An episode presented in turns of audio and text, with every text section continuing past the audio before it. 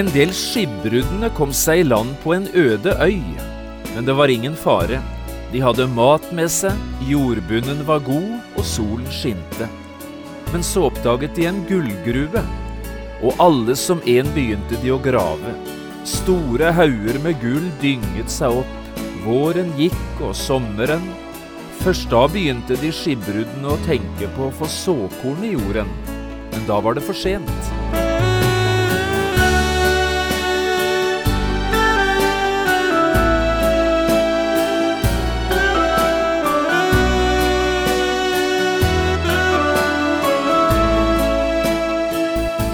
Hjertelig velkommen til et nytt program i serien Vindu mot livet.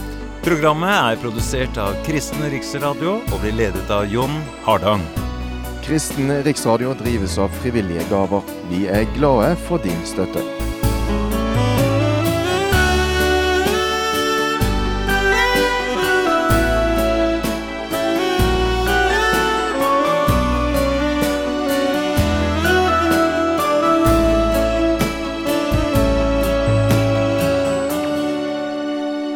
Vi er nå kommet fram til det ellevte programmet i denne bibelundervisningsserien som jeg har kalt Følg meg. Dette er en gjennomgang av Jesu bergpreken, den første av de fem store talene Jesus holdt, og som er gjengitt her i Matteus evangeliet. Bergprekenen består av 111 vers, fordelt på tre kapitler, Matteus 5, 6 og 7. Vi befinner oss nå omtrent midt i bergprekenen, og Jesus går i det avsnittet vi nå skal lese sammen, i gang med en ny hoveddel. Han begynner å snakke om sykdommer, eller nærmere bestemt tre farlige sykdommer. Og det er den første av disse tre sykdommene det skal handle om i dag, det vi kaller for havesyke. Og her kommer Jesus med ganske sterke advarsler om ikke å bli for glad i penger, en advarsel som ganske sikkert er mer aktuell i Norge i dag enn noen gang tidligere. Vi leser fra Matteusevangeliet i kapittel 6, og vi skal lese avsnittet fra vers 19 til 24. Jeg har kalt dagens program Skatter i himmelen. Og Jesus sier, Samle dere ikke skatter på jorden, hvor møll og rust tærer, og hvor tyver bryter inn og stjeler. Men samle dere skatter i himmelen, der verken møll eller rust tærer, og tyver ikke bryter inn og stjeler. For hvor din skatt er, der vil også hjertet ditt være. Øyet er legemets lys. Er ditt øye friskt, da vil hele ditt legeme være opplyst. Men om ditt øye er sykt, da blir hele legemet mørkt. Er nå selve lyset i deg mørke? Hvor dypt blir da mørket? Ingen kan tjene to herrer, for enten vil han hate den ene og elske den andre, eller han vil holde seg til den ene og forakte den andre. Dere kan ikke tjene både Gud og mammon.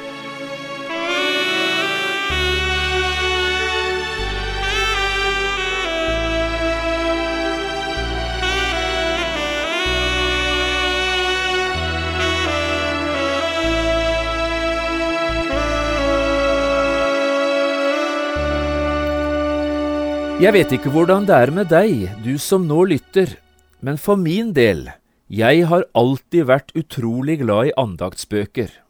Hvor mange slike andaktsbøker jeg har stående i bokhylla mi, eller har liggende på kontoret eller på nattbordet, det vet jeg egentlig ikke, men det er mange. Det finnes nok dem som er redd for andaktsbøker. De frykter at slike andaktsbøker lett kan komme istedenfor Bibelen og det er jo tross alt den viktigste boken å lese. Slik har aldri jeg opplevd det. Tvert imot. Utallige ganger har en andaktsbok åpnet et nytt bibelord for meg, og bare vært med å gi meg mer lyst til å lese i Bibelen, bøkenes bok. Da jeg var tenåring, hadde jeg i alle fall to andaktsbøker som jeg leste i. Den ene fikk jeg til konfirmasjonen, Den het En Ny kraft og var skrevet av sogneprest Erling Ruud. Dette var en utrolig flott og viktig bok for meg å lese.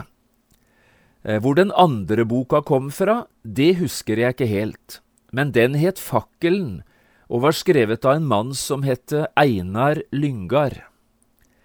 I den sistnevnte boka blir det fortalt en historie om noen skipbruddene og denne historien har jeg aldri siden glemt. Historien går som følger. En del skipbruddene ble kastet i land på en øde øy, men det var ingen fare. Mat hadde de fått med seg, jordbunnen var god, og solen skinte varm og barmhjertig. Men så ble en gullgruve oppdaget, og alle begynte å grave. Store hauger med gull dynget seg opp, Våren gikk, sommeren kom, og endelig begynte de skipbruddene å tenke på å få såkorn i jorda. Men da var det for seint. Vinteren kom, kornet råtnet i jorden, og menneskene døde av mangel på mat. Og så skriver Einar Lyngar i boka si om den besettende makt som all slags rikdom kan ha overfor oss mennesker. Og så siterer han to av de versene vi nettopp leste sammen. Samle dere ikke skatter på jorden, hvor møll og rust tærer, og hvor tyver bryter inn og stjeler. Men samle dere skatter i himmelen, der verken møll eller rust tærer, og tyver ikke bryter inn og stjeler. Jeg husker godt det inntrykket denne historien gjorde på meg da jeg leste om disse menneskene første gangen, som ble så opptatt med gull at de glemte det som er viktigere enn gull, nemlig det vi mennesker trenger for å leve, maten altså. Hva skal en med gull hvis en mister livet? Det er altså Jesu bergpreken vi leser fra i denne programserien, den store disippeltalen som Jesus holdt for sine disipler både den gang og i dag. Hele veien holder Jesus fokus på dette ene, store og viktige Følg meg. Når vi nå, slik vi har gjort i dag, begynner å lese fra kapittel 6 og vers 19, så begynner vi på et nytt hovedavsnitt i denne Jesu bergpreken. Fram til nå har Jesus satt ord på tre viktige ting. Han begynte med å tale om de grunnleggende tingene ved det å følge Jesus. Han taler om et liv i glede, om det å være lys og salt i verden, og hvor viktig det er å være ærlig i forhold til Bibelen. Så fortsetter Jesus med å snakke om forskjellen på religiøsitet og kristendom, altså forskjellen på det å være fariseer og det å være disippel. Først peker han på seks læremessige forhold, og så tar han fram tre konkrete eksempler fra det praktiske livet. Alt dette har vi vært igjennom nå, i de første ti programmene i denne serien. Men nå, i den neste delen av bergpreken, peker Jesus på tre alvorlige sykdommer som han advarer sine disipler imot. Tre alvorlige hjertesykdommer sykdommer som hvis de ikke blir tatt på alvor eller får behandling hvis vi er angrepet av dem, vil prege det livet som disiplene skal leve, ja, de er faktisk i stand til å ødelegge hele livet. Det første Jesus snakker om, har vi allerede nevnt. Han kaller det for havesyke, eller ha-mer-syke. Det andre Jesus snakker om, er bekymringer. Det er det første som nå kommer etter det avsnittet vi leste i dag. Og så den tredje sykdommen, som også er en hjertesykdom. Han kaller den for dømmesyke. I disse fire neste programmene kommer vi nå til å sette fokus på det Jesus her snakker om. Men også dette er Jesu ord, og dermed viktig å ta til hjertet og å praktisere i hverdagen. La oss se litt nærmere på det Jesus har å si om dette med penger, og dermed alle slags former for rikdom. Det virker som Jesus setter ord på tre forskjellige ting. Det første Jesus sier må være dette. Ditt hjerte vil alltid bli knyttet fast til det du er glad i, eller betrakter som dyrebart eller verdifullt. Jesus sier det rett ut her, hvor din skatt er, der vil også ditt hjerte være. Og egentlig er det bare to alternativer, sier Jesus. Han bruker uttrykk som skatter på jorden og skatter i himmelen. Hør enda en gang hva Jesus sier. Samle dere ikke skatter på jorden, hvor møll og rust tærer, og hvor tyver bryter inn og stjeler. Men samle dere skatter i himmelen, der verken møll eller rust tærer, og tyver ikke bryter inn og stjeler. Skatter på jorden og skatter i himmelen, det er det Jesus snakker om her. Og den store forskjellen på disse to tingene, det er følgende. Skattene på jorden, de har en både kort levetid og en begrenset rekkevidde. Disse skattene kan nok gagne deg i det lengste fram til døden. Ofte ikke engang så langt, men i alle fall aldri lengre enn døden. Da er det annerledes med skattene i himmelen, sier Jesus. De tar du ikke ut avkastning av her i tiden, men du vil møte dem igjen med renter i evigheten, som en stadig kilde til glede og tilfredshet. Den både rike og vise kong Salomo skriver til oss om dette. Bevar ditt hjerte, sier han, framfor alt det du bevarer, for livet utgår fra det. Ordspråkene 4.23. Og skal vi ta vare på hjertet, slik han oppmuntrer oss til her, ja, da er det ikke likegyldig hva vi bruker tid og krefter på. Eller hva vi kaller for verdifullt og verdt å satse på den korte tid vi lever. Nei, sier Jesus, der vår skatt er, der vil også vårt hjerte være. Judas er navnet på den disippelen som til slutt både sviktet og forrådte Jesus. Og hans store problem var dette.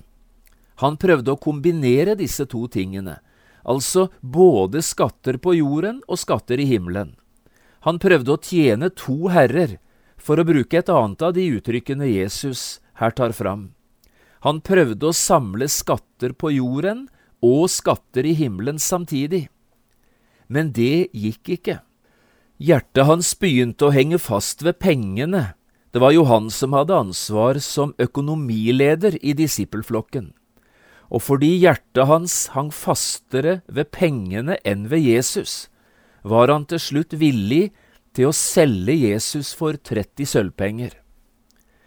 Dette er nok et av Bibelens sterkeste eksempel på hvor galt det kan gå, altså hvilken makt det er i penger, og hvordan penger kan binde hjertet fast og legge det i slavelenker. Her er det kanskje tid for og behov for et spørsmål. Hva slags skatter er du mest opptatt av, du som hører dette?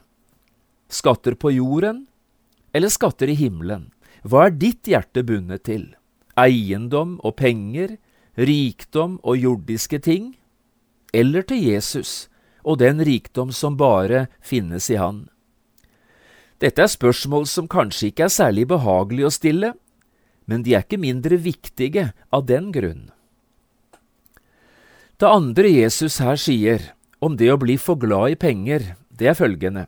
Et menneske som er for glad i penger, blir etter hvert blind, åndelig talt. Det virker som den åndelige dømmekraften blir ødelagt. Han mister gradvis evnen til å forstå hva sanne verdier egentlig handler om. Jesus bruker både litt spesielle og kanskje litt vanskelige ord når han snakker akkurat om dette. Hør vers 22 og 23 en gang til. Øyet er legemets lys. Er ditt øye friskt, da vil hele ditt legeme være opplyst. Men om ditt øye er sykt, da blir hele legemet mørkt. Er nå selve lyset i deg mørke? Hvor dypt blir da mørket? Dette har altså med synet å gjøre, med øynene våre, og hvordan vi ser på forskjellig slags rikdom i denne verden. Ser vi det fra Guds synsvinkel, eller bare fra egen synsvinkel? Har vi evighetsperspektiv over livet, eller er vi bare opptatt med timelige ting? Jesus fortalte en gang en lignelse om en mann som strevde med synsforstyrrelser, men han var ikke selv klar over at han hadde en slik alvorlig øyensykdom. Jeg tenker på historien om den rike bonden. Hør den historien. En rik mann fikk stor avling av jorden sin. Da tenkte han ved seg selv, hva skal jeg gjøre?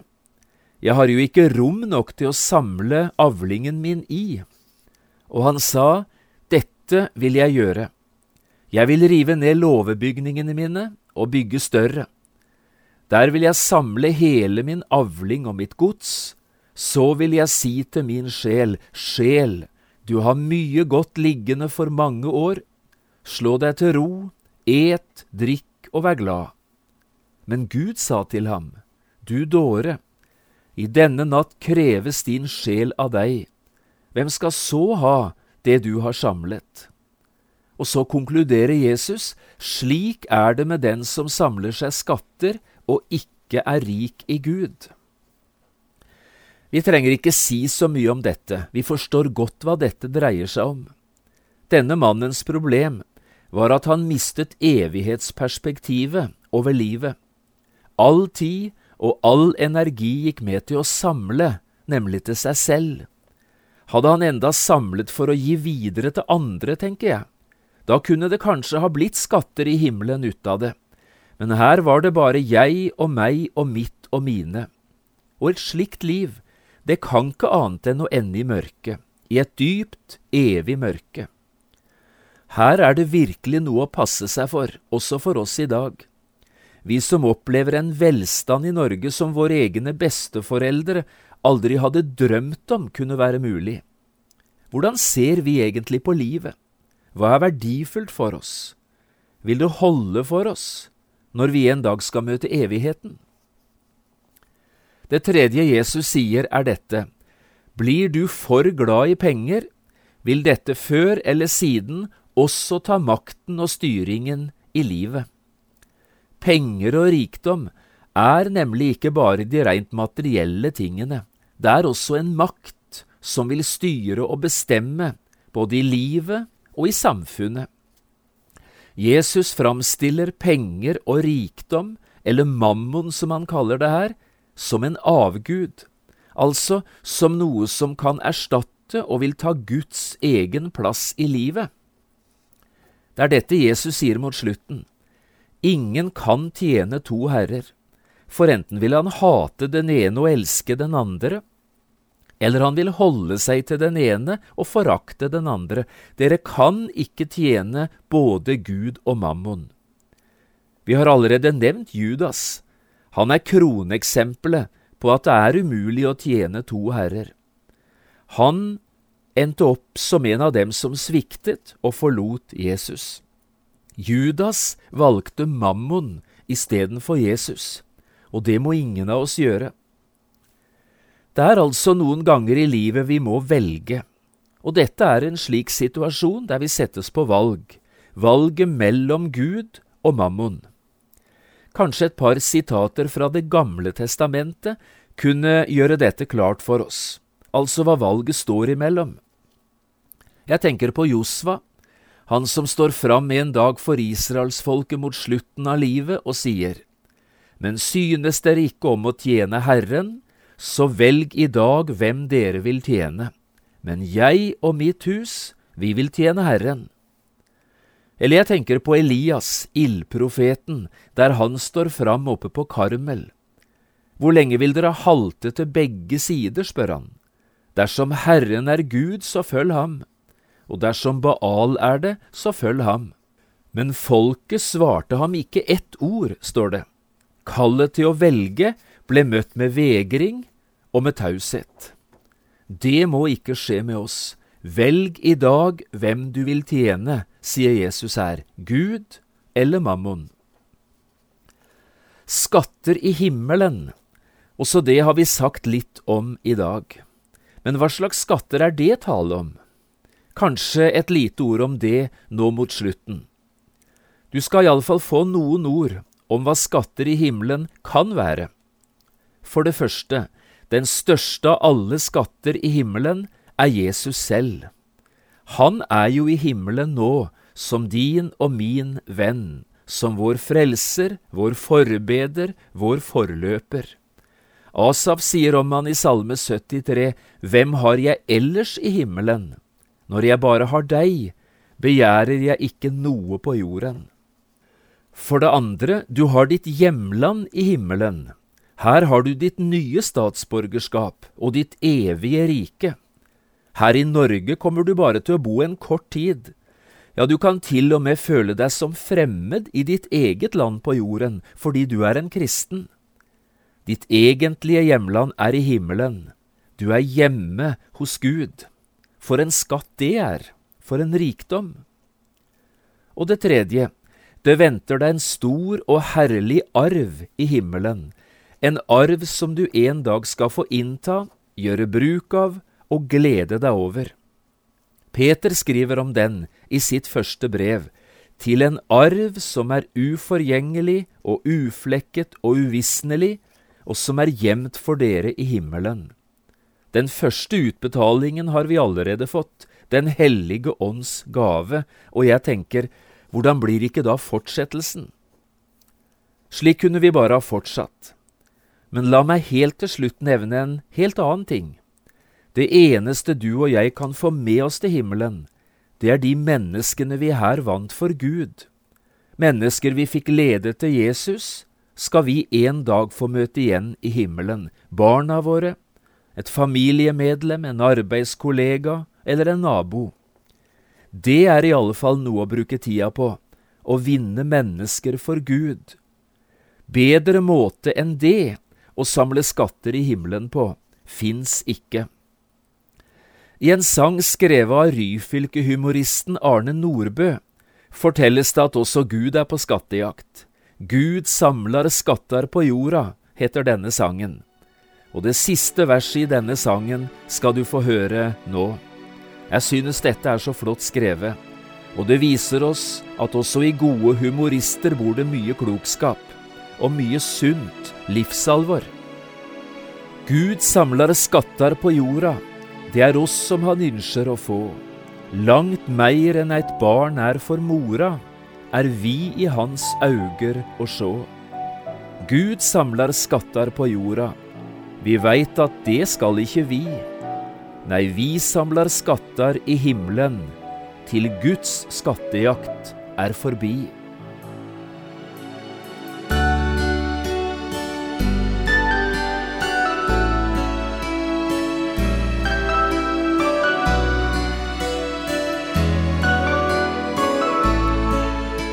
Du har hørt på et program fra serien Vindu mot livet med John Hardang. Programmene i denne serien kan også kjøpes på CD fra P7 Kristen Riksradio, eller høres på internett på p7.no. Har du spørsmål eller kommentarer til det du nå har hørt, kan du ta kontakt med oss på telefon. Da bruker du telefonnummer 56 32 17 01. Du kan også sende oss en e-post. Adressen er vml krøllalfa p7.no. Takk for i dag, og på gjenhør.